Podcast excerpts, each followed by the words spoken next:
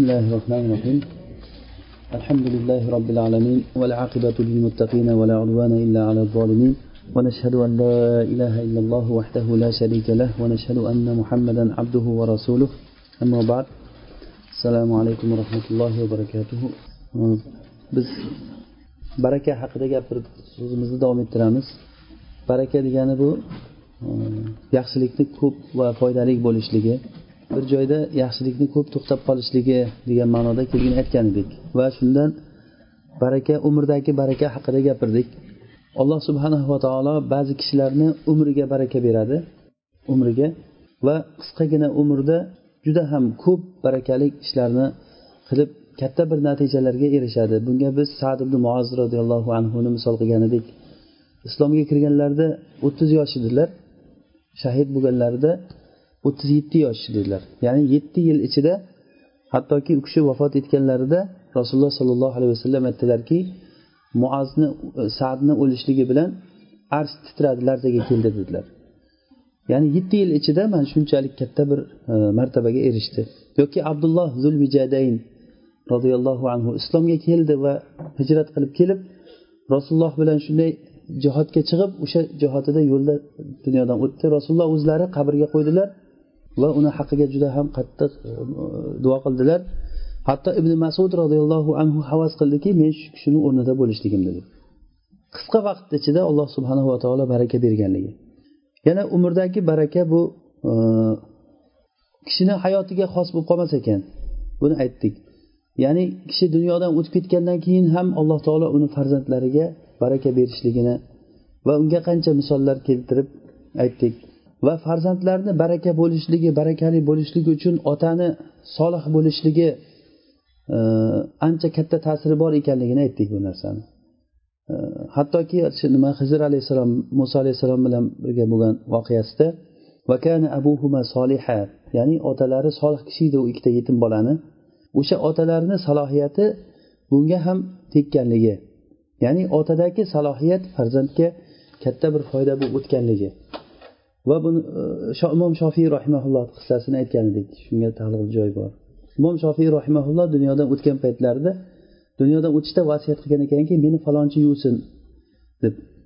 Keyin unga shofiy rahimulloh o'lganlaridan keyin xabar yuborildiki sizga shofiy yuvishlikni vasiyat qilgan edi deb. Haligi kishi keldidan keyin shofiyni haligi kundalik daftarini so'radi. Kundalik daftarini chiqarib berganda shofiyni zimmasida odamlar uchun yetmish ming qarz bor deb yozilgan ekan. Shofiy rohimaulloh qarz bo'lib bo'lgan ekan. Shu paytda daftarni olib yozdiki shu qarzlar hammasi meni zimmamga o'tdi deb. Haligi kishi. Qarzni hammasini o'zini zimmasiga olib aytdiki mana shu odamni meni shofiyni yuvganligim shu dedi. Degan. Men ana shu shofiyni yuvishligim shu degan. Bu kishi shu bilan ketdi. Shofiyni yuvmadi lekin. Qarzini to'ladi janozani o'qigan. Va robiysi aytadiki bir qancha vaqtlardan keyin men keldim o'sha odamni o'sha kishini surishtirsam u kishi dunyodan o'tib ketgan ekan. Ancha vaqt o'tib ketgan edi. Uyiga borib ziyorat qilishlikni xohladim uyiga borsam nevaralari bor ekan nevaralarini yuzida karam ya'ni saxovat asari ko'rinardi degan. Hattoki otasida bo'ladigan xulq o'sha otasidagi salohiyat farzandlariga o'tganligi. Otani solih bo'lishligi farzandga juda ham katta bir e, ta'siri bor ekan va farzandlarni solih bo'lib ularni hayoti barakali bo'lishligiga otani juda ham mashhur ulug' odam bo'lishligi shart emas. Buni misolida sufyan savriyni aytdik rahimaulloh sufyan savriyni shunaqangi kishi bo'lishligiga asosiy sabab onasi bo'lgan edi. Sufyan shofiy rahimaulloh yetimlikda katta bo'ldilar. Onasi shunchalik tarbiyaladi yoki robiat ibn abi abdurahmon imom molik rahimaullohni ustozi shunday katta imom bo'lib madinani imomi bo'lishlikka onasini katta bir hissasi bilan bo'ldi bu narsa. Demak kishini hayotini barakali bo'lishligi o'zidan keyin farzand va zurriyotlarni barakali bo'lib ketishligi. Buni eng katta misoli ibrohim alayhissalomni misolini aytdik. Ibrohim alayhissalomga alloh taolo baraka berdi. Bu baraka cho'zilib hatto qiyomat kunigacha bo'layotgan payg'ambarlar hammasi shu kishini zurriyotidan chiqdi. Qiyomat kunigacha bo'layotgan imomlar aimmalar hammasi shu kishini zurriyotidan chiqdi. Buni bilavringki qanchalik darajada ibrohim alayhissalomga berilgan barakani rasulullohga berilgan baraka qanchalik katta vaholanki rasululloh ibrohim alayhissalomni farzandi. Demak bu fazlni hammasi ibrohim alayhissalomga qaytadi o'sha uchun ham rasululloh sollallohu alayhi vasallam baraka so'rashlikda allohimma barik ala muhammad e, kama barakta ala ibrohim. Xuddi ibrohimga baraka berganingdek rasulullohga va rasulullohni oilasiga ahliga baraka bergin deb so'rashlikni bizga buyurdilar. Biz o'tgan nimalarimizda shuni o'tdik. Umrdagi baraka haqida gapirgan edik.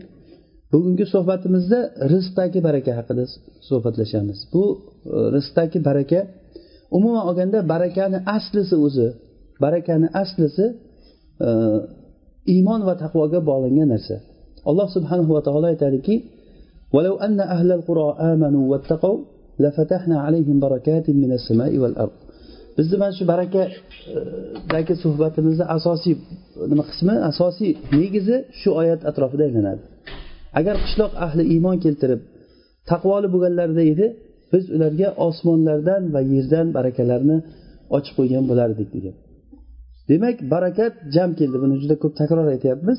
Shuki ma'lumot bizga e, singishligi uchun. Demak e, rizqimizda barakalik bo'lishligi rizqda bu qanday bo'lishligini inshaalloh e, hozir misollar orqali biz suhbatlashamiz. Alloh subhanahu va taolo o'zi yerni yaratgan paytda barakalik qilib yaratdi. Alloh subhanava taolo yerni yaratgan paytda e, barakali qilib yaratdi alloh taolo aytadiki qul ainnakum latakfuruna billazi khalaqal arda fi yawmayni va taj'aluna lahu andada zalika robbul alamin وجعل فيها رواسي من فوقها وبارك فيها وقدر فيها أقواتها في أربعة أيام سواء للسائلين ya'ni alloh taolo aytyaptiki alloh taolo yer va osmonni yaratdi va yerga va yerga baraka berdi alloh taolo yerga baraka berdi. Hattoki shu baraka odamlarni amali bilan yomonligi bilan bu baraka kamayib kamayib kamayib ketaverdi. Hattoki ba'zi bir joylarda tamomiy baraka unituv bilan yo'qolib ketgan paytlar bo'ldi. Ba'zi paytlarda u baraka boshqa bir narsaga almashtirib qo'yildi odamlarni o'zini fasodi bilan. Buni misolida alloh taolo saba surasida aytadiki laqad kana fi maskanihim aya. Jannatani an yamini va shimal. Kulu min رزق robbikum واشكروا له baldatun طيبة ورب robbun g'afur saba nimasi shahri saba bu saba o'zi bir kishini ismi bo'lgan. U ko'p farzandlari bo'lgan yamandagi bir ahl bo'lgan. Alloh taolo o'sha saba qavmini aytyaptiki e, sabada katta bir sizlar uchun katta bir alomat katta bir ibratli holat bo'ldi. Alloh taolo ularga shunday ne'matlarni mo'l ko'l qilib bergandiki ularga jannatani ayamini va shimal. O'ng tomonda ham chap tomonida ham bog' bor edi. O'ng tomonda ham chap tomon. Shunchalik mevalar shunchalik hosillarni berardi. Judayam bir farovonchilik edi. Va hattoki ular saba turgan joydan yamandan nimagacha? Baytul maqdisgacha bo'lgan masofa qancha uzoq bilasizlar. Hatto rasululloh sollallohu alayhi vasallam katta uzoq masofani misol qilganlarida o'sha yamandan e, baytul maqdisni o'rtasini misol qilib gapiradilar ko'pincha. Uzoq masofa bo'lganligidan hatto o'sha yamandan baytul maqdisgacha bo'lgan joyda yo'llarda qishloqlar bor ekan. Yo'llarda qishloqlar bo'lib u qishloqlar ko'rinib turgan. Bir qishloqqa borsa u qishloqda narigi qishloq ko'rinib turardi o'rtada mevalar. Safarga chiqqan odam o'zi bilan bir ozuqa ko'tarib yurishlikka hech ehtiyoji yo'q edi. Yo'l to'la meva bo'lgan suv olib yurmagan. Hamma joy qishloq bo'lgandan keyin qishloqqa borgan joyida uxlab ayollar qo'lida bir ip yigiradigan E, urchuqlari bilan safarga chiqib boshidagi bir savatni boshiga qo'yib qo'ysa shu keta ketguncha savati to'lib qolar ekan mevaga hosillar tagidan o'tavergandan keyin. Shu darajada bir katta bir ne'matni bergan. Natija nima bo'ldi? Ular yuz o'girdi. Yuz payg'ambarlar keldi. Har xil rivoyatlar o'n uchta payg'ambar kelgan o'n ikkita payg'ambar kelgan. Hatto qurtubiy rahimaulloh bir necha ming payg'ambarlar kelgan degan. Muhim ular haqdan yuz o'girdi. Haqdan yuz o'girib payg'ambarlarni yo'lidan chiquvdi. Natijada alloh taolo ularni ne'matini olib qo'ydi. Ularga biz katta bir kuchli suvni yubordik degan. O'sha ularni mevalarini sug'oradigan katta bir nima bo'lgan e, suvni to'sib turadigan to'sig'i bo'lgan davon deymizmi nima? O'shasini o'sha ochilib ketib odamlarni suv olib butun halok bo'lib ketgan ko'pchiliklar joylari vayron bo'lib ketgan haligi mevalari bog'lari rasvosi chiqib yomon bo'lib jannatay zavatay ukulin xomtin va aslin va shay'in min sidrin qalil. Ularni shunday katta bog'larini boshqa bir bog'ga almashtirib qo'ydik. U bog'da bir nordon bo'lgan meva bor va hosil bermaydigan daraxtlar va eng yaxshisi sidr bor. Va shayin min sidrin qalil. U sidr ham eng foydali narsasi o'sha sidr edi. Sidrni ham ta'birni qarangki qur'onda min sidr desa o'zi bo'lardi.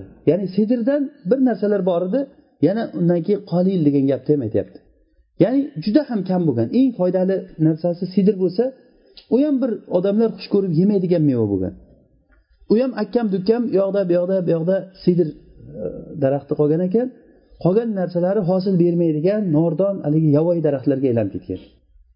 Alloh taolo ularni bog'ini ikkita bog'ini tamoman halok qilib yuborsa bo'lardi.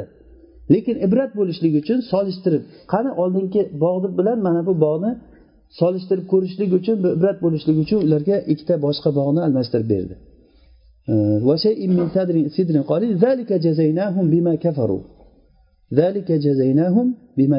Biz bu narsani ular kofir bo'lganliklari uchun ollohni ne'matiga nonko'r bo'ldi. Ularni ham qalblari kofir bo'ldi ham tillari bilan nonko'rlik gaplarni ko'p aytishdi. Biz o'sha nonko'r odamlarni kofir odamlarni biz jazolaymiz dedi. Demak mana bu narsa hozirgi aytgan voqeamiz o'sha saba qavmi yamandagi biz uchun katta bir ibratki ular ollohni yo'lidan chiqqan paytda ularga qanchalik darajada katta bir musibat kelganligi. O'sha ne'matdan tamomiy ajralib qolganligi. Ular keyin dedi alloh taolo. Ularni titib tashlagan hammasi har yerga tarqab ketgan ba'zi birlari e, yasribga borgan ba'zilari g'ossanga borgan ba'zi birlari shomga ketib qolgan. O'sha qavm shunday katta bir tinch totuv yashab turgan qavm tamomiy titilib yo'qolib ketgan. O'sha yerda yashayotgan odamlar. Bu narsa ana shu bu bo'layotgan narsa hozir bizni hayotimizda o'zimiz uchun ham ko'rinishligi mumkin bu narsa.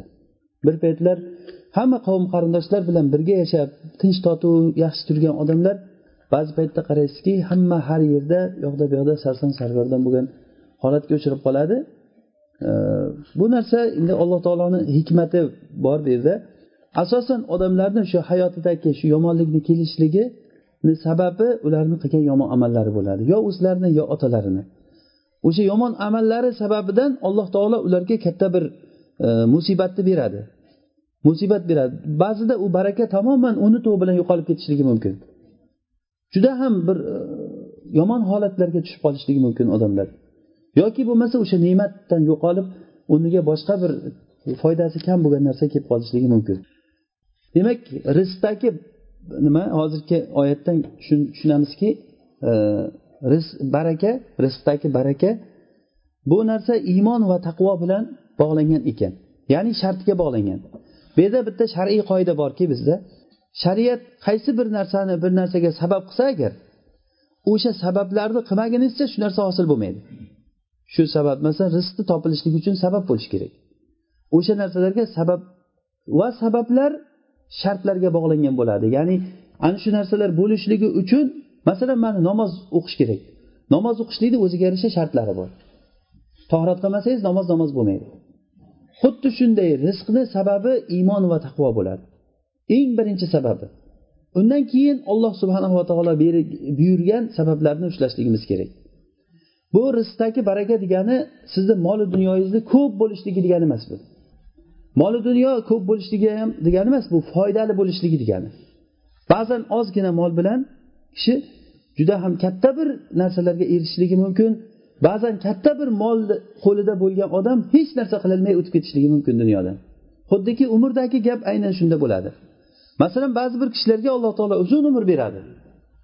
Yuz yoshga kirishligi mumkin undan ham oshib ketishligi mumkin. Lekin shu yoshda nima foyda ko'radi u hayotda? Hech narsa qilmasdan hayotda birorta bir manfaatli ish qilmay uni ziddi o'laroq hayoti o'zini ziddiga amallar qilib o'tib ketishligi mumkin.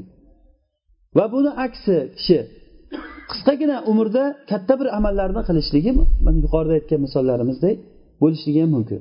Mol ham xuddi shunday. Ba'zi bir odamlarga alloh taolo katta bir mol beradi lekin o'sha molga baraka bermaydi. U molga baraka bo'lmagandan keyin u foydalik o'sha narsani ishlatolmaydi o'ziga. Alloh taolo ba'zi bir joylarni baraka bilan xosladi. Masalan makkani ibrohim alayhissalom baraka bo'lishligi bilan duo qildilar. Madinani rasululloh sollallohu alayhi vasallam baraka bo'lishligi bilan duo qildilar va shu makkadan ikki barobar duo qilishligini baraka bo'lishligi bilan duo qildilar madinani.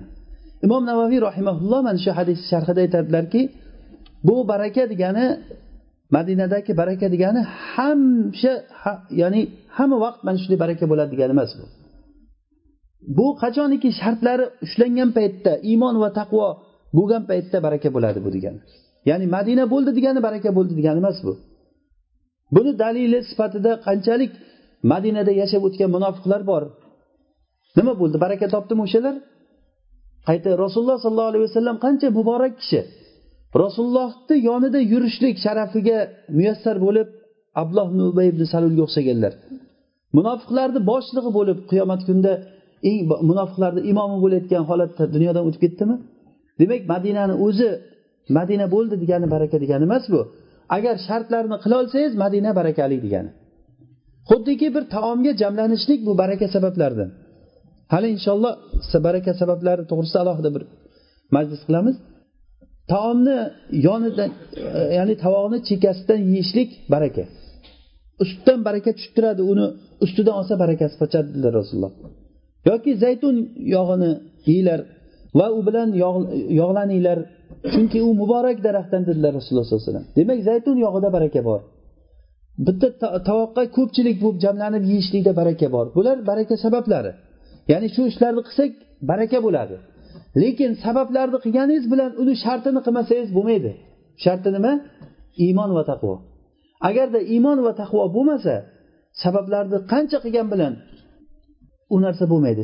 O'sha sabablarni yo'qotayotgan eng kattasi shartni yo'qotayotgan kattasi kofirlik. Olloh asrasin kishi kofir bo'lgandan keyin uni hayotidan baraka o'chiriladi. Uni umridan ham uni molidan ham hamma narsadan baraka o'chiriladi. Chunki qilgan ishiga hech qanaqangi savob yozilmaydi. Kofir bo'lgandan keyin. Alloh taolo unga ham umr beryapti. Yonida boshqa bir kishiga ham umr beryapti. Bu odam jannatda katta bir joyga ega bo'lib boryapti. Mana u kofir bo'lsachi hech narsasiz bu dunyodan o'tyaptida oxiratga borgandan keyin haligi mo'minga tayyorlab qo'yilgan do'zaxdagi joy ham shunga berilyapti. Va bu odamga jannatda tayyorlab qo'yilgan joyi mo'minga berilyapti. Demak o'sha barakani yo'qotayotgan eng katta sababi bu kufr bo'ladi. Baraka daraja bo'ladi. Xuddiki barakani yo'qligi ham darakat bo'lgandek. Ya'ni qanchalik siz ma'siyat qilsangiz shuncha hayotingizdan baraka qochaveradi qanchalik bitta ma'siyat qilsangiz o'sha ma'siyatga yarasha hayotingizdan baraka qochadi.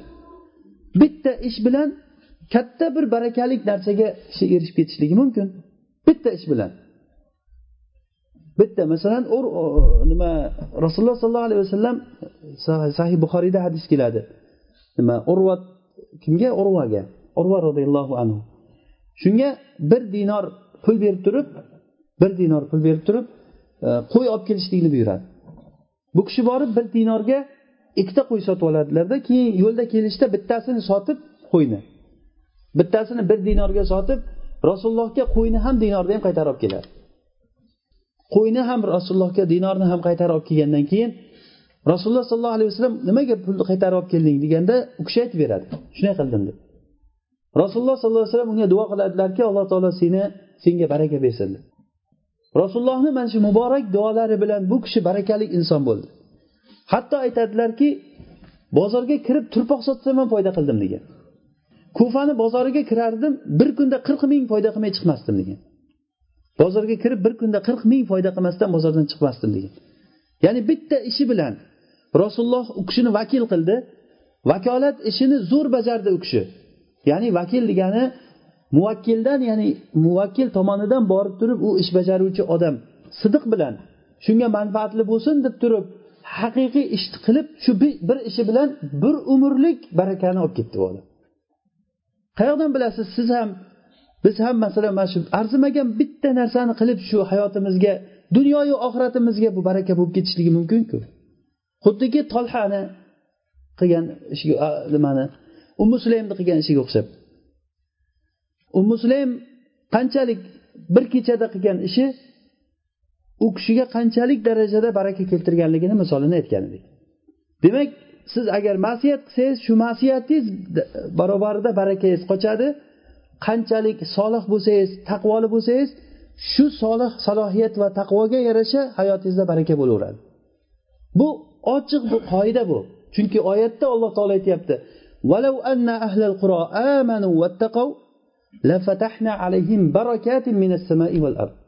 agar qishloq ahli iymon keltirib taqvo qilganlarida edi biz ularga osmonu yerdan barakalarni ochib qo'yardik degan. Butun baraka eshiklarini ochib yuborardik degan. Demak bu narsa alloh subhanava taolodan madad so'rashlik bilan o'zimizni qo'limizdagi narsa bo'ladi. Masalan sizni qo'lingizda emas bir ming dinor pulni hosil qilishlik olloh bersa bo'ladi bu. Lekin siz iymon va taqvoni mustahkam qilsangiz o'sha ming dinor emas million dinorni kerak bo'lsa barakasini hosil qilishligingiz mumkin. Buni barakani faqat olloh beradi. Ollohdan boshqa hech kim bermaydi. Alloh taolo mana shu barakani iymon va taqvoga bog'lab qo'ygan. Jobir ibn abdulloh roziyallohu anhu misoli. Hozir biz aytdikki madinani rasululloh sollallohu alayhi vasallam duo qildilar. Baraka bo'lishligi bilan duo qildilar. Shu bilan birga madina ahlini ba'zilarida baraka xossatan bor edi. Jobir ibn abdulloh roziyallohu anhuni misoli bunga. U kishini otalari abdulloh ibn harom uhud jangida shahid bo'lgan. Uhud jangi bo'lishligidan oldin o'g'lini chaqirib aytganki urushmay urush boshlanishidan oldin. O'g'lim senga men vazifa yuklayman men shu urushda o'ladiganga o'xshayman degan. Meni ko'p qarzlarim bor shuni to'laysan degan. Shuni bo'yningga olasan. Eng meni g'amga tushirayotgan narsa shu qarzim degan. Keyin qizlarimni hammasini turmushli qilasan singillaringni degan. To'qqizta qizi bo'lgan to'qqizalasi ham hali erga tegmagan bo'lgan. Ya'ni yosh qizlar bo'lgan. Urushga kirgan u kishi dunyodan o'tgan shahid bo'lgan o'sha uhudda. Keyin abdulloh otasini mas'uliyatini bo'yniga olgan. Hattoki shu singillarini turmushga berishlik uchun yoshi katta bir ayolga uylangan. Rasululloh sollallohu alayhi vasallam so'radilarki uylandingmi? deganda uylandim. Bikrga uylandingmi yo sayyibgami deganda sayyibga uylandim. ya'ni erdan chiqqan ayolga uylandim degan. Bikrga uylanmaysanmi? Uylanar ekansan. U bilan hazil qilib senga u hazil qilib yurarding deganlarida ey rasululloh otam menga shunday vasiyat qilib ketgan. To'qqizta singlim bor men ham o'shalarga o'xshab yana bittasini olib kelib qo'ymay dedim o'rtasiga degan. Ya'ni bitta yosh qizni olib kelsam ularni ichiga degan o'nta bo'ladi. Men ular ularni turmushga beradigan bir aqlli ayolga uylanish. Hattoki yigit kishi o'zini singillari uchun o'shanday ayolga yoshi katta ayolga uylanishlikka rozi bo'lgan. Bu birinchisi. Keyin qarzini berishlikka harakat qilgan. Qarzdorlarga borib otam sizlardan qarzdor edi qarzni men to'layman sizlarga. Ozroq qarzdan o'tinglar desa yo'q o'tmaymiz deyishgan. Madinadagi katta katta obro'li kishilarni o'rtaga solgan. Aytinglar shu o'tsin qarzidan o'tsin degan o'tmagan. Rasulullohni o'rtaga qo'ygan. Ey rasululloh shu qarzdorlarga ayting qarz egalariga qarzlaridan o'tsin kamaytirsin men to'layman deganda rasululloh chaqirib turib qarzlaringdan o'tasizlarmi deganda yo'q o'tmaymiz to'liq bersin degan. Haligilar. Bu, nimadan? Abdulloh ibn haromni otasidan jobir ibn abdulloh otasi? Abdullohdan bitta xurmo bog'i qolgan ekan xolos. Boshqa hech nima qolmagan. O'sha xurmo bog'ini mevasi bir necha yillik mevasini jamlasa ham qarzga yetmas ekan. Rasululloh aytdilarki bir bog'ni borib aylanib ko'rdilarda bog'ni aylanib ko'rib mevalarni hammasini yig'ib bir joyga yiqqin va ularni sinf sinfga ajratgin har turga. Ajratginda keyin bo'lganda meni chaqirgin deganlar hosilni yig'ib hammasini bir xirmon qilgandan keyin chaqirgan rasulullohni rasululloh keldilar endi nimalar chaqir g'arimlarni degan qarz egalarini.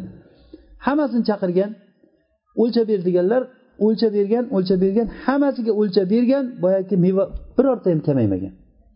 Hosil o'sha turish turgan mana bu narsa o'sha jobirga berilgan baraka bu. Alloh subhanahu va taolo bu otasi abdullohni uhudda bo'lgan shahodatini barakasi bu. Ya'ni buxoriy rohimaulloh sahihida mana shu hadisni keltirib yoki hozirgi yana bir hadis bor. Zubayr ibn avvomni voqeasi o'shanda bob ajratib turib kishini shahid kishini alloh taolo molida baraka berishligi degan bob ajratganda shu hadislarni keltirgan. Alloh taolo mana shunday baraka beradi ba'zi bir kishilarga. Nima bilan? Iymon va taqvo bilan. Zubayr ibn avom xuddi shu voqeaga o'xshaydi.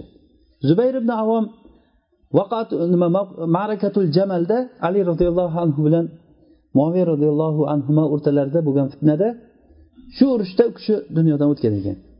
Urushdan oldin u kishi ham o'g'lini chaqirib o'g'lim meni katta qarzim bor bo'ynimda degan. Shu qarzimni bo'yningga olasan degan. Bir million ikki yuz ming qarzi bor ekan. Bir million ikki yuz ming dirham qarzi bo'lgan. Shu qarzni to'laysan degan. Bu kishi bo'yniga olgan keyin urushga kirgan o'sha yerda shahid bo'lgan u kishi. Keyin bu kishi qarzni berishni boshlagan merosxo'rlariga aytgan hech kimga meros berilmaydi men otamni qarzini to'lashim kerak degan. Hakim ibn hizom kelib u kishi zubayr ibn avomni amakisini o'g'li bo'ladi. Kelib turib otangni qarzlari bor deb eshitgandim qancha qarzi bor ekan desa yuz ming degan abdulloh. Yuz ming deganda ehe seni otang toza kambag'al qilib tashlab ketibdiku degan. Bir million ikki yuz ming hali. Agar ikki yuz ming bo'lsachi degan. Unda umuman to'lanmaysan deganda bir million ikki yuz ming bo'lsachi degan.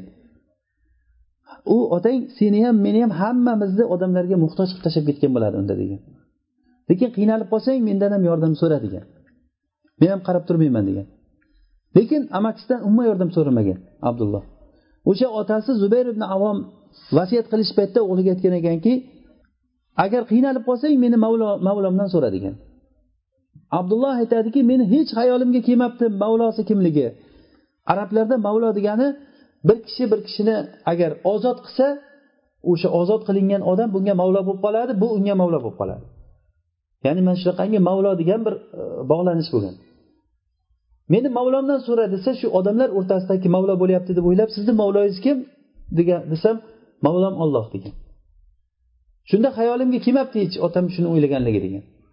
Qaysi bir joyda muammo bo'lib qolsa so'rardim ey zubayrni mavlosi yordam ber desam shunday yo'lim ochilib ketaveradi degan. Alloh taolo baraka berib u kishidan bir yer qolgan voba degan joyda bir yer qolgan ekan. Katta bir yer bo'lgan. Madinada o'n bitta uy bo'lgan ekan. Makkada bitta uy bo'lgan basrada bitta uy bo'lgan va misrda bir uy bo'lgan ekan. Shularni yerlarini bo'lak bo'lak qilib turib yuzlab sotgan alloh taolo baraka berib bu kishi qarzlarini to'lab hamma qarzlarini to'lab to'rtta xotini bo'lgan ekan zubayrni. To'rtta xotinini har biriga bir milliondan meros qolgan ekan.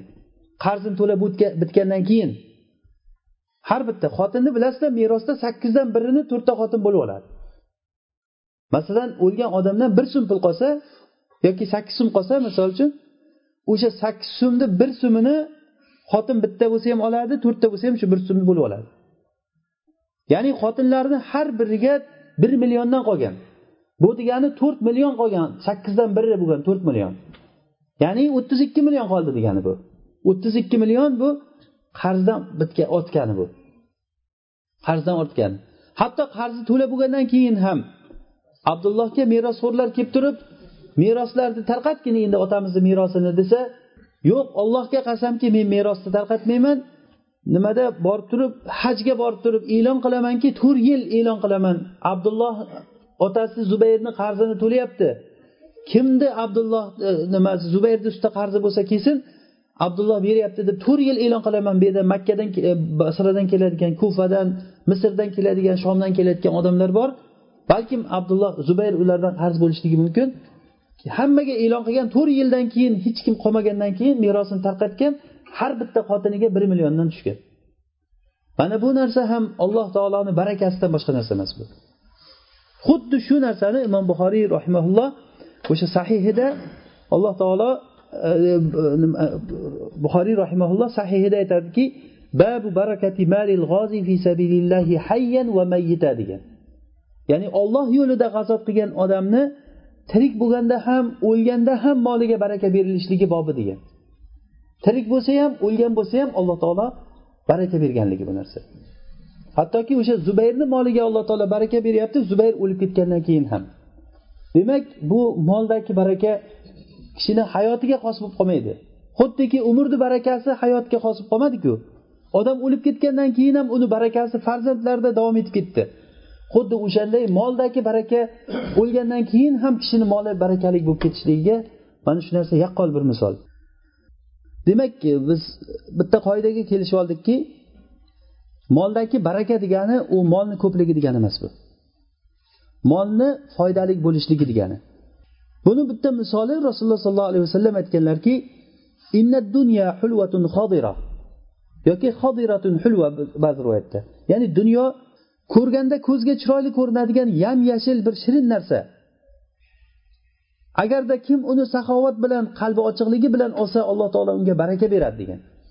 Agar kimki unga to'ymaydigan ko'z bilan haligi ishrofi nafs bilan judayam qattiq bir tamagirlik bilan olsa bu xuddiki yeb qorni to'ymaydigan odamga o'xshaydi deganlar. Yeydi qorni to'ymaydi. Yeb qorni to'ymaydigan odamni misoli kofir kishi bo'ladi. Kofir odam rasululloh aytganlaridek yettita qoringa ovqat yedi dedilar. Mo'min kishi bitta qoringa ovqat yeydi. Mo'min kishi bitta qoringa ovqat yesa oshqozonga kofir odam yettita oshqozonga ovqat yeydi deganlar. Yeydi to'ymaydi. Yeydi to'ymaydi. Ana shu barakani yo'qligi.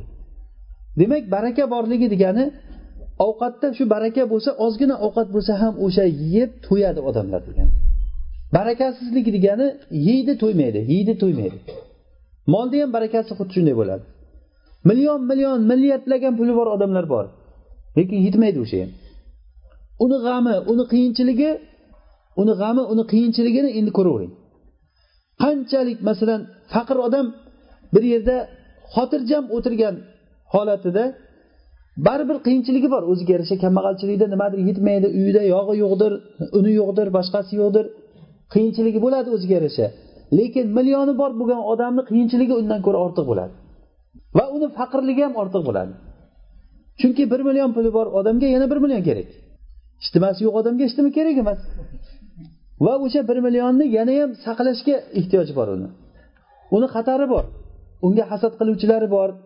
Atrofdan unga qancha dushmanlari bor. Mana shu narsa hech qachon xotirjamlik kelmaydi. Shuning uchun ham rasululloh sollallohu alayhi vasallamga e, alloh taolo vahiy qilib aytganki bir farishtani yuborib alloh taolo meni yubordi. Mana shu tog'ni sizga men tillodan qilib beraman xohlasangiz deganda yo'q degan rasululloh. Men faqir payg'ambar bo'laman deganlar. Bir kuni och bo'laman bir kuni to'q bo'laman. To'q bo'lgan kunimda robbimga shukur qilaman och bo'lgan kunimda robbimga toat qilaman. Mana shu holatim yaxshi deganlar. Demak eng yaxshi holat shu va eng barakalik narsa degani boylikni ko'pligi degani emas bu. Pulni ko'pligi degani emas bu. Ya'ni noto'g'ri tushunib qolmaylik baraka bo'ldi degani pulingiz ko'payib ketsa demak barakali odam degani emas bu bal aksincha bu barakasiz g'ib barakasiz bo'lishligi ham mumkin. O'sha topgan pulidan bir tiyin foyda ko'rmay hayotdan o'tib ketishligi ham mumkin bu odam. Mashhur hadisda keladiki bizdan oldingi kishilardan ya'ni rasululloh sollallohu alayhi vasallam aytib berganlar buni bir kishi yo'lda safar qilib ketayotgan paytda bulut ketayotgan bulutdan ovoz kelganki bulutlarga bir buyruq kelganligini eshitib qolganki falonchini bog'ini borib sug'orgin degan. Isqi hadiqata fulan deb u kishi hayron qolgan keyin bulutni orqasidan ketgan qani qayerga yomg'ir yog'ar ekan deb. Qarab tursa bulut shunday borganda bir toshli joyga yoqqan. Toshli joyga yomg'ir yoqqan haligi toshli joydan yomg'ir oqib turib ariqchalarga tushib haligi ariq oqib kelgan ariqni orqasidan kelgan bu ham kelsa o'sha ariq bir boqqa kelgan bir kishi dehqon kishi turib bog'da ketmoni bilan e, suvni u yoqqa bu yoqqa yo'llab turgan ekan bog'iga. Keyin isming nima deganda ismim falonchi deb haligi osmondan eshitgan ovozda e, ismni aytgan. Falonchini bog'ini sug'or degan ismni o'zini aytgan. Men shuman degan. Nimaga ismimni so'rayapsan deganda men ajablandim seni mana shu bulutga osmondan seni isming aytildi falonchini bog'ini sug'orgin deb bulutga aytildi. Keyin men atay shu bulutni orqasidan keldim. Qarasam sen shu yerda shu ism bilan shunday turibsan ekan. Deganda endi men aytishlikka majbur bo'ldim bu narsani. Men bog'imdan chiqqan hosilni doim uchga bo'laman degan. Bir qismini farzandlarimga oilam uchun ajratib qo'yaman. Bir qismini bog'ni yana kelajak yilgi xarajatiga ajrataman. Bir qismini o'sha paytni o'zida meva beva yetim yesirlarga olloh yo'lida sadaqa qilib tarqataman degan.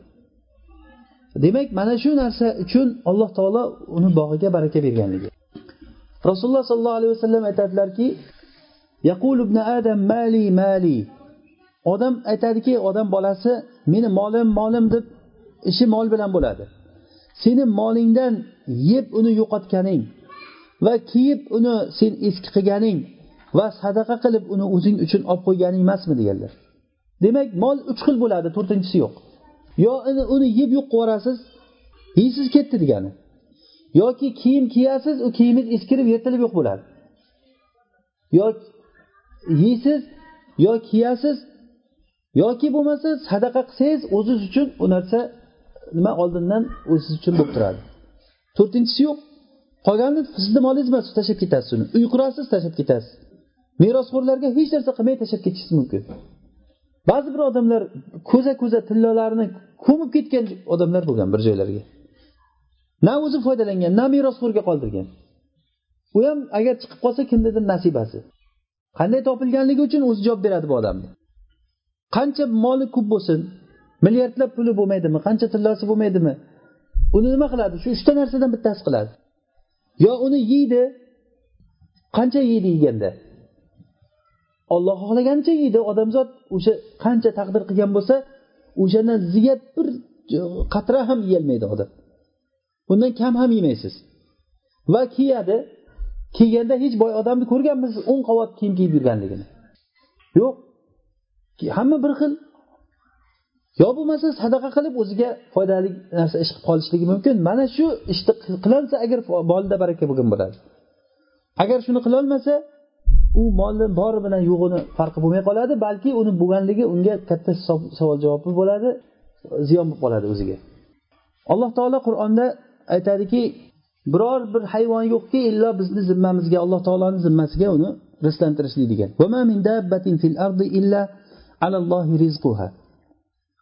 har bir hayvonni rizqi ollohni zimmasida alloh taolo uni rizqini berishlikni o'zini zimmasiga olgan olloh zimmasiga olib ba'zi odamlarni rizqini ba'zi odamlarni ustiga qo'yib qo'ydi. Hattoki hayvonlar ham. Masalan sizni rizqingizni bir hayvon ko'tarib yuradi deb faraz qiling. Bir hayvon sizni rizqingizni ko'tarib yuradi orqangizda. Lekin o'z navbatida siz o'zingiz bilmagan holatda o'sha hayvonni rizqini siz topib berishingiz kerak. Yo sotib olib kelib berasiz? To'g'rimi? Uyingizda masalan qancha molingiz bo'lsa u molni ovqatlantirish kerak suv berish kerak. Ishi bor o'ziga yarasha? Kim qiladi shuni? Albatta molni egasi qiladi bir piyola mana bir qadah suvni siz faraz qilib ko'ring choyni masalan. Shu choyni ichida nima bor? Choy bor shakar bor suv bor. Ha? Mana shu narsalarni bunday qarasangiz qancha odamni rizqi shuni ichida turibdi. Masalan bitta o'sha nimasini ustidagi o'sha e, haligi piyolasini o'ziga qancha odam mehnat qilgan. Zavoddan chiqqanmi uni? Uni olib keluvchilar olib kelib sotgan uni. Sirlovchilar sirlagan bo'yovchilar bo'yagan yasagan qancha odam rizqlangan shu bitta piyolasi uchun? Endi uni ichidagi choyga kiring. Ichida shakari bormi? Shakar shu choyni ichiga kiraman deguncha qancha odam rizqlangan o'shani ustida. Shakar zavodlar bo'ldi. Shakar zavodlar o'z o'zidan bo'lmaydi. Uni orqasida qancha shakar qamish yetishtiradigan nimalar bo'lishi dehqonlar bo'lishi kerak. Shakar qamishlarni olib kelib bozorga olib keladi. U bozordagilar rizqlanadi undan keyin fabrikaga keladi. Bular rizqlanadi va hokazo va hokazo shakar bo'lib oxiri supermarketlarga kelib supermarketdan sizni uyingizga kelib choyingizni ichiga kiraman deguncha qancha odamni rizqi berdi? Bitta shakarni o'zi. Choyni ayting. Yana dehqondan boshlaymizmi ishni? Dehqon. Uni dehqondan oldin ham qancha ishlar bor? Endi biz bilganimiz hozir dehqondan boshlasak dehqon uni yerga ekadi choyni. Yetishtiradi uni savdogarlarga beradi olib keladi choy qadoqlanadi fabrikalarda. Va hokazo va hokazo. Aylanib sizni choyingizni ichiga choy bo'lib kiraman deguncha qancha odam rizqlangan? Shu siz choyni sotib olib shu bitta ichadigan choy ichishga qancha odamni mehnati ketgan bunga? Suvni ayting. Suv qancha joydan kelgan? Unga trubalarda olib kelinyapti. Suv anavlari bor maxsus suv shirkatlari bor ana endi. Uni pulini teryapti odamlar yig'ishtiryapti boshqa bo'lyapti uyizga yetib kelyapti. Qancha odam ishlaydi bitta suv shirkatida o'zi o'ylang odamlarga suv yetkazib berishlikda u keyin qaynatish uchun gaz kerak. Gazni qancha odam gazni olib keladi masalan gaz plitasi? Zavodlardan olib kelib magazinlarga olib kelib sizni yuzga gaz undan yonadigan oqma gazmi yoki ambubami u kerak keyin? Hamma narsa bo'lgandan keyin gugut kerak. O'sha bitta gugut uchun qancha fabrikalar ishlaydi qancha odamlar rizqlanadi uni orqasidan. Bitta choyni hali bu shu bitta choyni o'zi endi choyni qo'yaman desangiz tagidagi narsani endi qilib ketishimiz kerak. Ko'zimiz tushib qolsa buni gapirib ketishimiz kerak. Bu qayerdan kelgan bu? E bu palon joyda yasaladi taxtasichi taxtani kim olib keladi? O'rmonda ekkan odamlar bor boshqa bor taxta bo'ladi u bo'ladi bu bo'ladi. Uyni o'zini oling. Butun hamma narsa hayot mana shu bir biriga xuddi o'rgamchak to'riday rizqda bir birimizga bog'langan ekanmiz.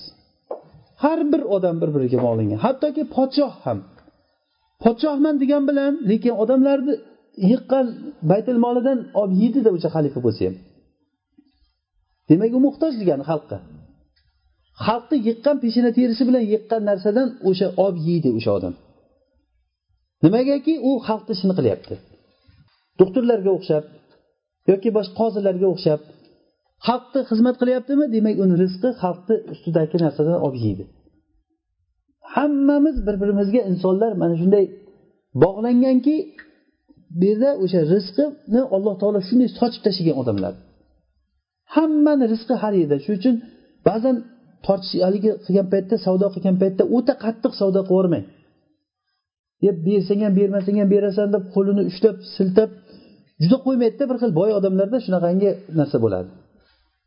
Olishi juda yam qiyin bir narsani. Albatta arzon eng oxirgi narxiga olib bormay olmaydi. Eng o'shani sal qimmatroq olsa shu odam orqali o'sha olingan odam rizqlanib qoladimi yo'qmi? Unga foyda bo'lib qoladiku o'sha narsa. Puliz bekorga ketmaydiku masalan bir narsani qimmat olib qo'ydingiz. Lekin qimmat olib qo'ysangiz puliz qayerga ketdi. Bir birodaringizga borib tushdi. Balkim u muhtojdir shu narsaga siz qayerdan bilasiz? Haligi mushukni qissasiga o'xshab aytgani ko'zi ojiz mushukni ko'zi ojiz mushukni chet elda ishlab yurgan ikkita odam oshxonada ovqat yeb turgan joyida mushuk kelib qolib ovqat so'rasa haligi mushukka ovqat bersa olib ketgan mushuk. Bu aytibdiki mushukni odatiga xilof bo'ldi. Bu mushuk berilgan narsani joyida yeydi. It olib ketadi. Orqasidan borgan borsa bir ko'zi ojiz mushukka olib borib berar ekan ovqatni subhanalloh shunchalik alloh taolo o'zi ko'zi ojiz mushukni bu mushukni sababchi qilib qo'yibdiki olib borib shuni boqyapti shuni. Shunga olib borib beryapti shuni ilhomlantirgan alloh taolo. Ko'zi ko'r bo'lgan holatida tili yo'q bo'lgan holatida qo'li yo'q ishlayotgan hunari yo'q. Birovdan bir narsa so'rashga tili yo'q uni. Lekin alloh taolo shunga razzoq rizqlantirib qo'yibdi. Haliku bu inson ekan. Haliku bu mo'min kishi ekan. Bo'lib ham ollohni dinini g'amida yurgan odam ekan. Shuning uchun bu narsaga rizq bobida alloh taolodan umid qilishingiz kerak faqat. Rasululloh sollallohu alayhi vasallam aytdilarki menga ruhul qudus hozir meni qalbimga vahiy qildi. Bir nafs o'zini rizqini to'liq yemasdan o'lmaydi. Ollohdan taqvo qilinglar va rizqni talab qilishlikda go'zal yo'lda tutinglar. Ya'ni chiroyli yo'l bilan. Haloldan keladimi haromdan keladimi qanday yo'l bo'lsa olaver kelsa bo'ldi deb olavermanglar dedilar. Demak ba'zi kishilarga alloh taolo ozgina moliga alloh taolo baraka berar ekan. Endi ko'p bo'lsachi u narsa? Usmon roziyallohu anhu usmon ibn affan. Hattoki shu agar biz tekshirib qarayotgan bo'lsak hozir rizq bobini gapiryapmizu. Rizq bobini asli sabab nimasi sharti nima ekan iymon va taqvo. Shu iymon va taqvoni mahkam ushlagan odamlarni rizqiga e'tibor bering. Iymon va taqvoni ushlaganlarni eng cho'qi ko'rinishdagi misollari bizga ashara mubashara bil jannat. Ya'ni jannatdan bashorat berilgan farishtalar e, nimalar sahobalar. Shulardan usmon ibn affonni misoli. Jayshul usrada rasulullohga ming dinor pul olib kelib bergan ekan. Rasululloh ashoblaridan yordam so'radilar. Kimda bir ortiqcha narsasi bo'lsa bersin biz jayshni hozirlayapmiz bir joyga jihod qilishlik uchun. Shunda usmon ming dinor olib kelib bergan. Bir dinor to'rt yarim grammga yaqin bo'ladi. Bir dinor. Mingga ko'paytiring endi. Qariyb to'rt yarim kilo tilla bo'ladi. To'rt yarim kilo tillani olib kelib bergan. Yana kim yordam qiladi deganda usmon o'sha o'sha joyda turib aytdiki ey rasululloh yuzta tuya ustidagi narsalari bilan menga bo'ynimga dedi. Kim yordam qiladi yana degandan yana usmon turib ey rasululloh yana yuzta tuya meni bo'ynimga degan. Yana kim yordam qiladi desizlar yana turib ey rasululloh yuzta tuya meni bo'ynimga degan. Uch yuzta tuya bo'lgan. Ustidagi yopinchiqlari bilan tayyor qilib turib shu ustiga minib ketadigan qilib turib olib chiqib bergan. Uch yuzta tuyani. Va ming dinor pulni olib chiqib bergan. Rasululloh aytdilarki usmonga bugundan keyingi qilgan amaling zarar bermaydi deganlar. Bo'ldi shu kerak edi o'zi u kishiga. Mol bilan mana shu narsani sotib olish kerak edi. Mana bu narsa ollohni bergan barakasi. Sizga alloh taolo beryapti. Xuddiki berilgan insonga berilgan mol insonga berilgan umr xuddi o'xshatsak agar miltiqni o'qiga o'xshatsak shu miltiqni o'qidan sanoqli o'q bor sizda shunda nishonga urib qolishingiz kerak. Ursangiz urdingiz bo'lmasa o'tib ketdi. Ba'zi bir odamlarga qop qop o'q berilgan hammasini har yoqqa qarab tanqillatib otyapti bitta ham nishonga otmaydi. Bo'ldi otdi otdi otdi otdi o'yin qildida shu bilan o'tib ketyapti. Hech narsa qilmasdan hayotdan. Na u odam umridan foydalandi na berilingan molidan foydalandi. Bu narsa bir kunda qilgan narsasi usmon ibn affonni yetmish yoshga kirib dunyodan o'tdilar. Ungacha qancha yaxshilik qilganlar? Hayotini oxiriga o'zidan keyin farzandlariga qoldirgan merosini ayting. Qanchalik katta meroslar qolgan qancha yetmish yoshgacha qancha ishlarni qilgan bir kunda qilgan ishi shu ming dinor pul bilan uch yuzta tuyani ustidagi narsasi bilan taxlab tayyorlab berganligi bu narsa haqiqiy alloh taolo baraka bergan insonlar bo'lgan zubayr ibn avom hozirgi misolda aytganimiz u kishi ham ashara mubashshara bil jannani bittasi. Alloh taolo baraka bergan u kishiga. Hatto o'lib ketgandan keyin ham alloh taolo baraka berib har bitta xotiniga to'rtta xotini bo'lsa bir million bir milliondan qolgan har biriga. Bu narsa alloh subhanava taoloni bergan barakasidan boshqa narsa emas. Yoki sad ibn abi vaqqos roziyallohu anhu. Sad ibn abi vaqqos o'sha e, marvon ibn hakamni nimasida xilofat davrida zakoti besh ming dinor dirham zakot berar ekan. Besh ming bu narsa katta pul degani besh ming degani buni qirqqa ko'paytiring ikki yuz ming dirham puli bor degani. Ikki yuz ming dirham bu dirhamdan berilayotgan narsasi u chorvalardan tashqari yoki yerlaridan bog'laridan tashqari bo'lgan narsa bu. Tolhat ibn ubaydulloh roziyallohu anhu bu kishi uhud kunida bir kunda ming dinor pul bergan ekan. Uhud kunida bir kunda ming dinor pul bergan. Hattoki u ham pul bergan. Ham rasululloh sollallohu alayhi vasallamni yonida turib o'sha uhud jangi bilasizlar qanchalik e, tartibsizlik bo'lgan. Musulmonlar oldi va orqa tarafidan ikki tomondan hujumga uchragandan keyin rasulullohni o'zlari yolg'iz qolib ketib qolgan. Rasulullohni yolg'iz qolganligini ko'rib tolha rasulullohni oldiga kelib olgan. Rasulullohni yoniga kelib turib hattoki uriladigan zarbalarni ba'zisiga qo'lini ham tutgan. O'sha kunda zakarimgacha e, men nima jarohatlanibman degan. Hech joyi qolmagan jarohatlanmagan hatto zakarim ham jarohatlandi degan. Rasululloh aytganlar uhud tolhaniki bo'ldi deganlar uhud jangidagi bo'lgan. Bir kunda bo'layotgan ishda shunchalik darajada hayotdagi insonlar butun bir umr orzu qilgan narsangizni bir kunda olib qo'ygan ular. Yoki abdurahmon ibn avf bu kishi ham e, jannatdan bashorat berilgan odamlardan. Hozir aytganlarimiz usmon ham zubayr ibn avom sad ibn abi vaqqos sad ibn abi vaqqos besh ming zakot beryapti deyapmiz. Yoki tolhat ibn ubaydulloh uhuddagi qilgan ishlari. Yoki sad ibn abi vaqqos keyin abdurahmon ibn avf abdurahmon ibn avf rasululloh sollallohu alayhi vasallam abdurahmon jannatga emaylab kiradi deb eshitganlar. Jannatga kiradi deganligini eshitib xursand bo'lganligidan u kishi o'sha paytda o'sha nimadan e, bir yerdan u kishiga shomdan karvoni kelganligini eshitib shu karvon hammasi olloh yo'lida sadaqa degan. Yetti yuzta tuya bo'lgan ekan. Yetti yuzta tuya ustidagi narsalar bilan. Olloh yo'liga nafaqa qilib yuborgan bu narsani demak bu molni topishlik degan narsa ular molni ketidan yugurgan lekin olloh uchun ollohni roziligi uchun yugurgan mana shunday mollik bo'lishligi ularni boy bo'lishligi ilm o'rganishdan ollohni rizoligini talab qilishlikdan to'sib qo'ymagan. Hozir odamlarga qoida bo'lib qolgan boy bo'lgan odam ilm o'qimaslik kerak degan. Boy bo'lgan odam o'zini dinini o'rganmaslik kerak tamom. U boyligi bilan mashg'ul ekan. Bu degani u boylik unga ne'mat emas unga katta bir kishan bo'ldi oyog'iga. Shu boyligi sababli u shuncha gaplarni eshitmay qolsa shu boyligi sababli ilm o'rganolmay halol halolni bilmay qolsa aqidani bilmay qolsa o'zini robbisini tanimay hayotdan o'tib ketib qolsa qiyomatga borgandan keyin oldidan katta bir bilmagan narsalar chiqib o'tirsa o'ziga o'zi zulm qilgan bo'ladi bu odam. Ana shu paytda esiz shu molim bekor mollik bo'lgan ekanman deb qo'yadi odam.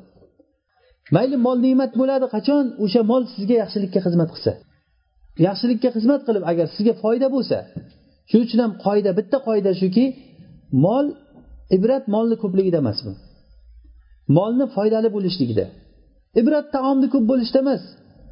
Balki u taomni barakali bo'lishligida qorin to'yishligida. Agar aqlli odamga aytilsaki ikkita taom turibdi bittasi ko'pu lekin qorning to'ymaydi deganing bilan bittasi ozgina sal yesang to'yasan desa qaysini ixtiyor qiladi. Chunki maqsad yeyishmi yo qorin to'yishmi? Yeyishmi yo qorin to'yishmi? Ovqat yeyishdan maqsad.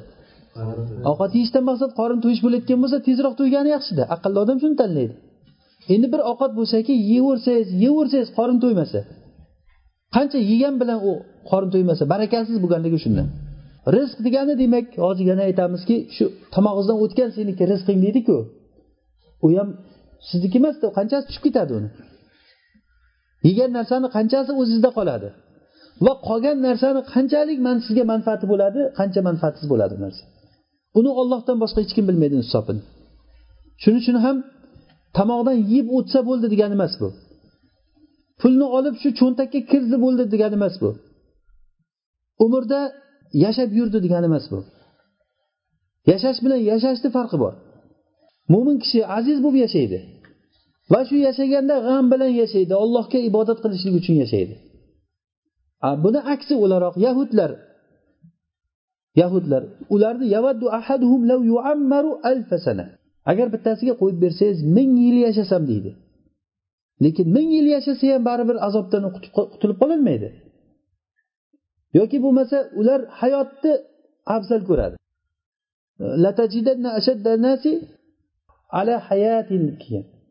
Ularni hayotga shu ala hayatin nakra kelyapti. Ya'ni qanaqangi hayot bo'lsa ham shunga haris degani. Xor bo'lib yashaydimi? Qanaqangi bo'lsa ham hayot bo'lsa bo'ldi degani. Lekin mo'min kishi unday emas. Chunki mo'minni hayotdan maqsadi ubudiyat allohga ibodat qilishlik. Ollohga ibodat qilayotgan hayot bo'lsa bo'lsin qancha uzoq bo'lsa havas qilamiz. Mana shu hayot barakali hayot bo'ladi. Mol ham xuddi shunday bo'ladi. Moldan ibrat demak molni ko'pligi emas bu molni kishiga foydali bo'lganligidir. Urvat ibn abil jadil bariqiy roziyallohu anhu u kishi hozir voqeasini aytib berdik urvat ibn abil jadil bariqiy roziyallohu anhu. U kishiga rasululloh sollallohu alayhi vasallam bir dinor berib borib qo'y olib kel deganda u kishi bir dinorga ikkita qo'y olib bittasini yana bir dinorga sotib bir dinorni ham bir dinorni ham va qo'yni ham olib kelib berdilar. Rasululloh sollallohu alayhi vasallam u kishiga duo qildilar. Rasulullohni duolarini barakati bilan u kishi shunchalik darajada katta e, barakali inson bo'ldi. Ibn qayim rahimaulloh aytgan ekanlarki xuddiki ollohni roziligini nihoyasi bo'lmaganiga o'xshab barakani ham nihoyasi bo'lmaydi degan ekanlar barakani nihoyasi yo'q. Benihoyat narsa bu. Xuddiki solih amal ixlosni kuchi bilan qanchalik kuchayib ko'payib ketaveradiku?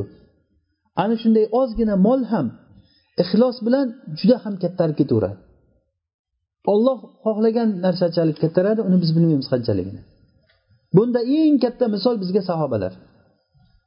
Ularni bergan olloh yo'lidagi bir hovuch narsasi bir hovuch narsasi. Uhud tog'chalik bergan tillolarga ham o'shanda to'g'ri kelmaydi degan.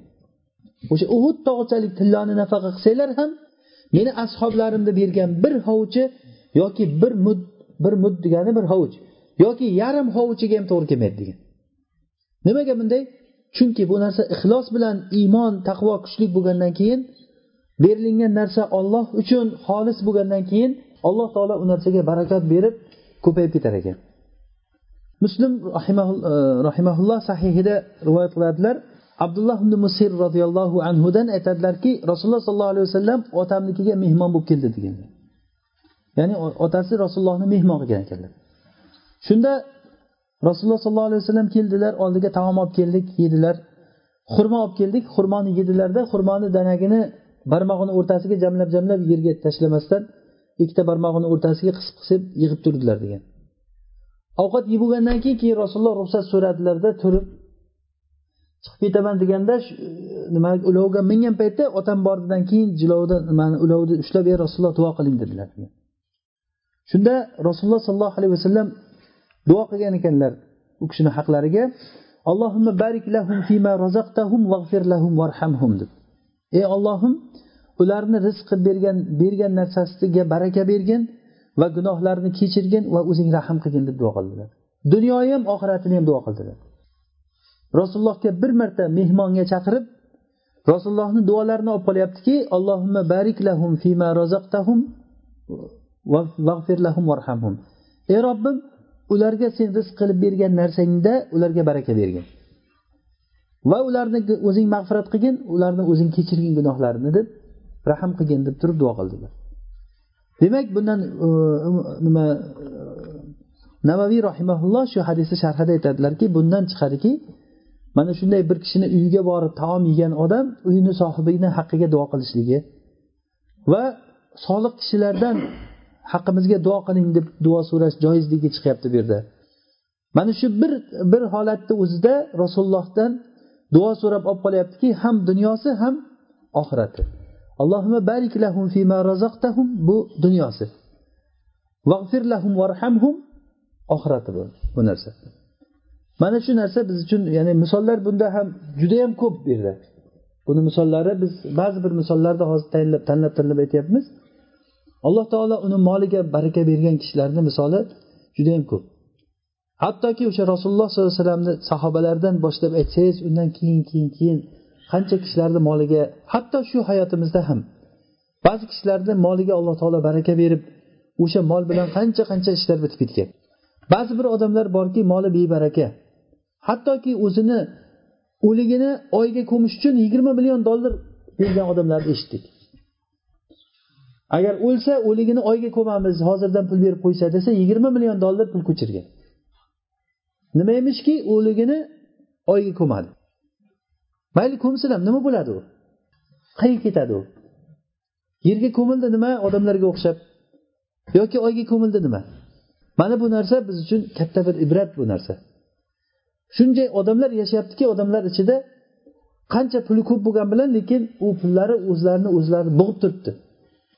Hattoki o'zini ota onasini ziyorat qilishlikka vaqti yo'q shu mol sababli. Robbisiga ibodat qilishlikka vaqti yo'q shu mol sababli.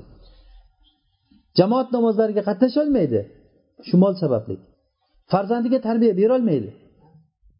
Pul topaman deb turib.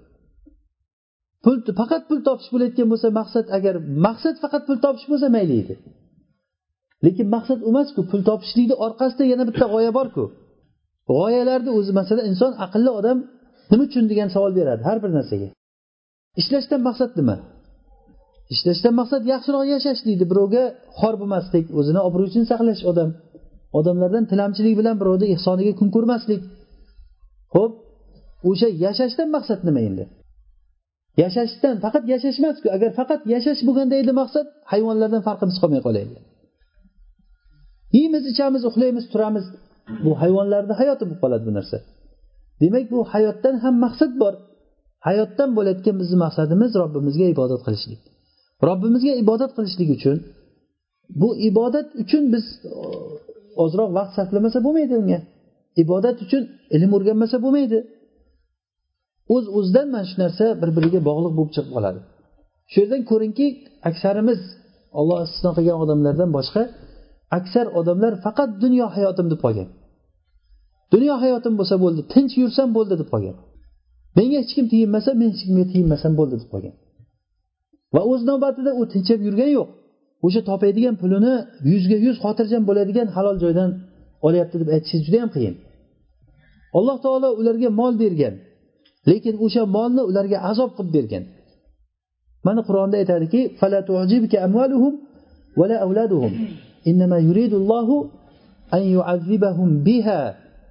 alloh taolo ularni mana shu mol bilan azoblamoqchi.